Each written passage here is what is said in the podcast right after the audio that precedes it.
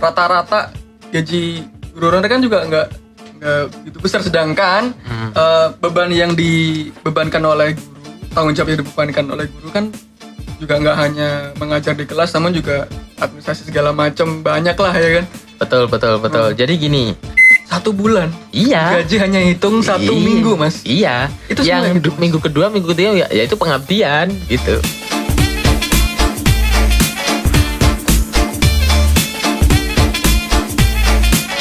Oke, halo halo halo halo. Selamat datang di podcast kamar depan bersama saya Vic Martino dan saya sekarang kedatangan tamu dan ini dia Mas Arif. Beliau ini adalah seorang guru honorer ya, yang mana nanti kita akan eh, cari-cari tahu gimana sih keluh kesahnya tentang dunia perguru honoreran gitu Mas. Ya Mas Arif ya. Baik, siap siap. Mas Arif nih gelarnya apa Mas? S1 Mas ya? Ya, S1 S Sarjana Pendidikan saya. Sarjana pendidikan ya. Ya. Ah. Terus eh, udah jadi guru honorer berapa lama? Kalau saya jadi guru honorer baru bulan 2 kemarin, jadi bulan Februari 2020. Hmm. Ya, tapi kalau yang sebelumnya sih ya pernah ngajar di sekolah aja gitu. Hmm. Oh, kalau yang sebelumnya itu tapi masih magang atau ngajar jadi eh, guru guru les atau gimana?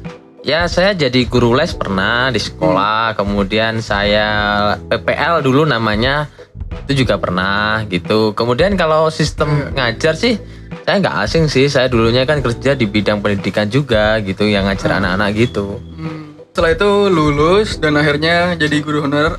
Pertanyaannya adalah apakah semua lulusan eh, pendidikan itu harus melalui eh, tahap guru honorer dulu atau udah bisa langsung jadi guru tetap gitu?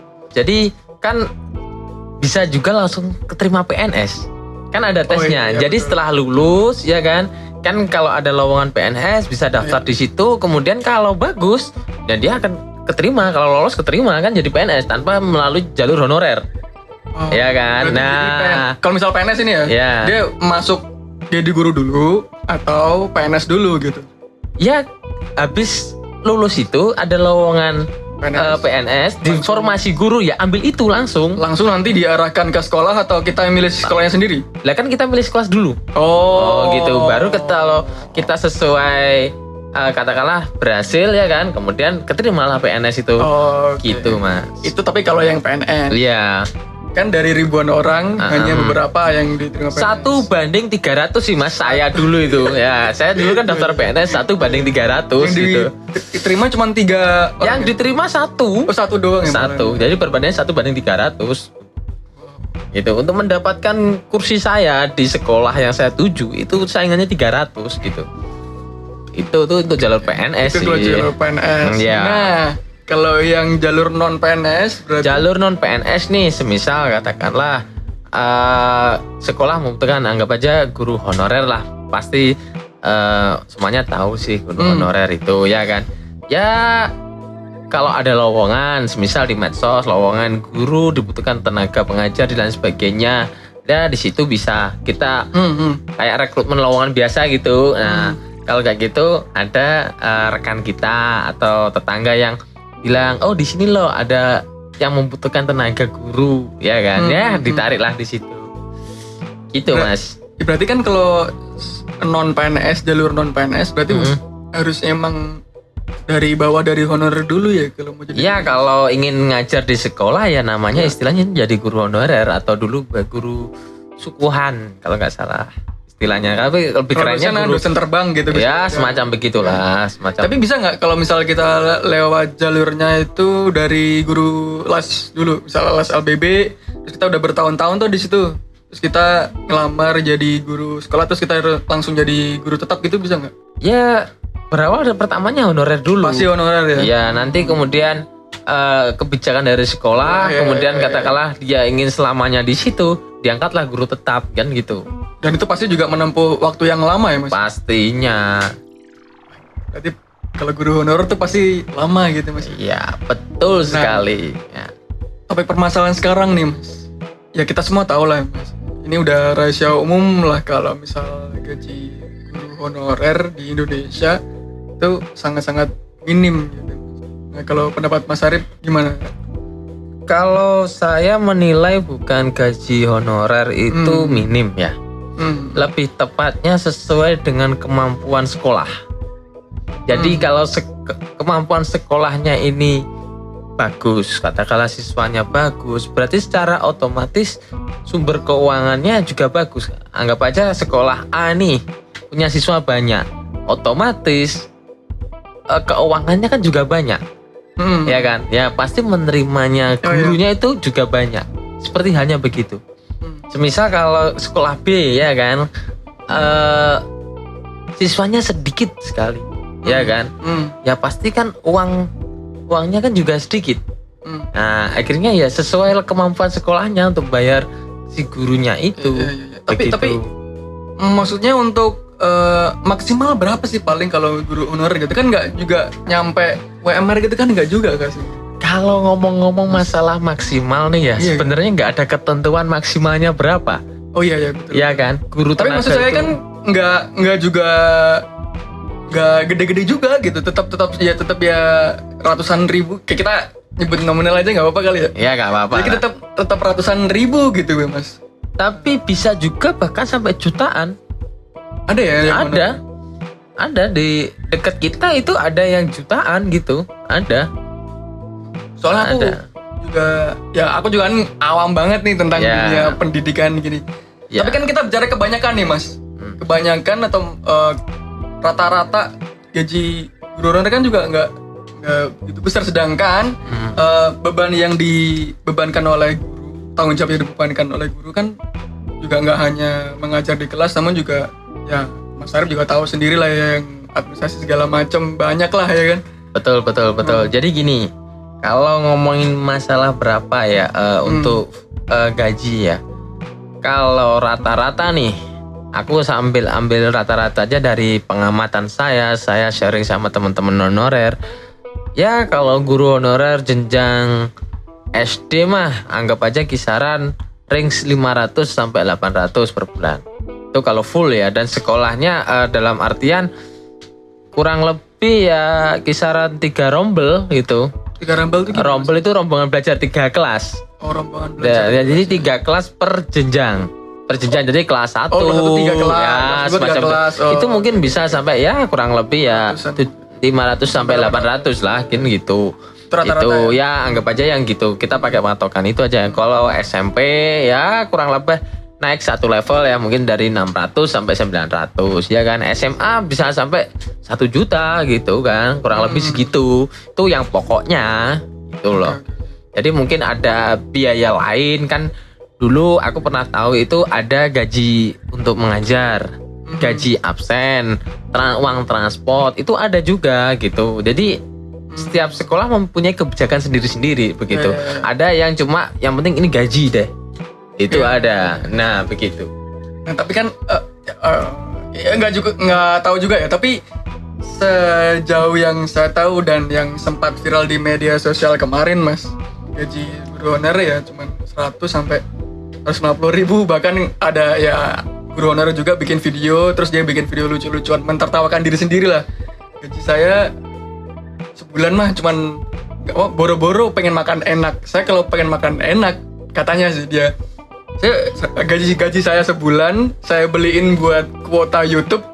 Saya lihat deh video-video YouTube yang enak-enak gitu gitu kata kata mas. Biar makanya enak gitu.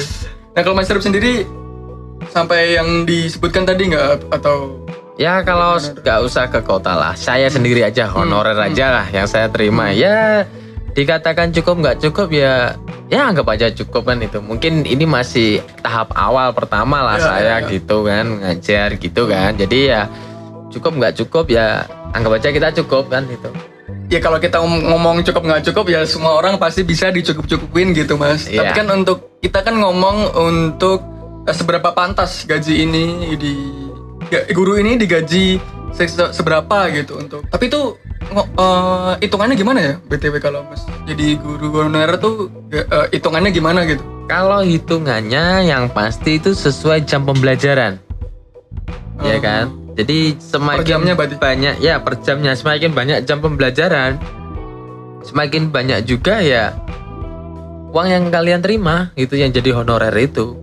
Tapi perlu diingat nih, ya Ah. ini ini beda dengan kalau teman-teman ngajar di bimbingan belajar atau ya, ya, mungkin yang di kerja swasta yang Ya, lain ya, di ya. instansi lain gitu.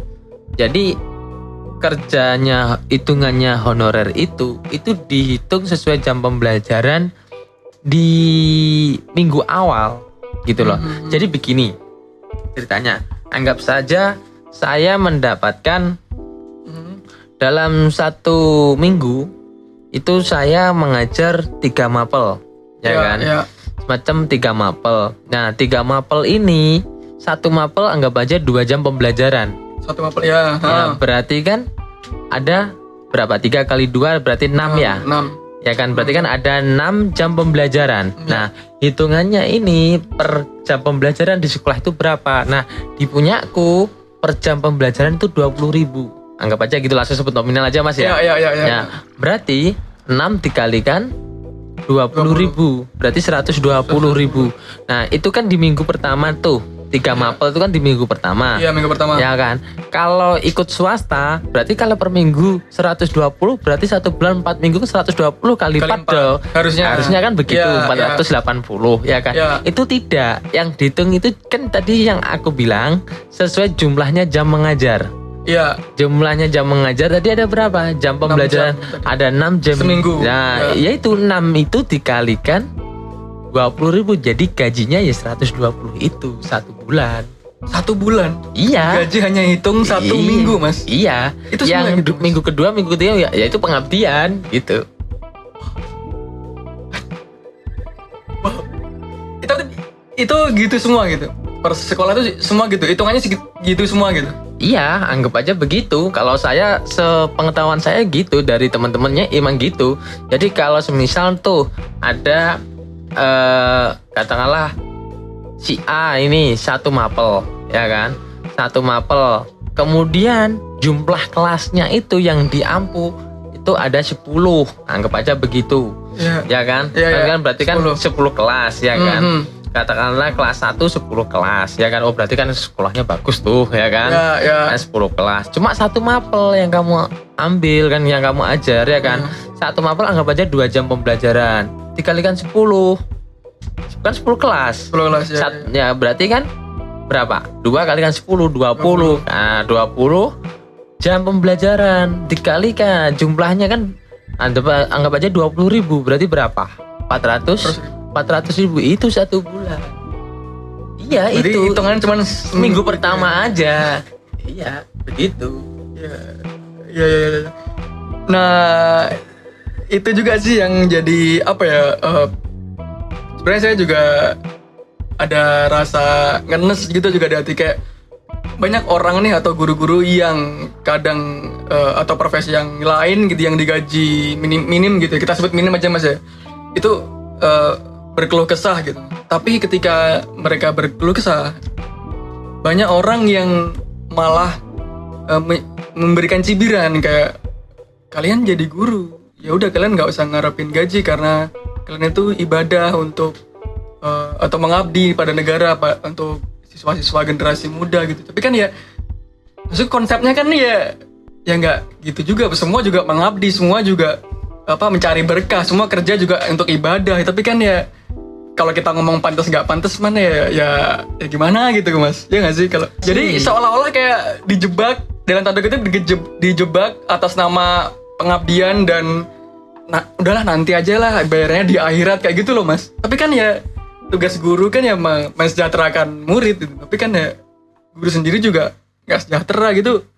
Gimana mas? Kalau saya nih hmm,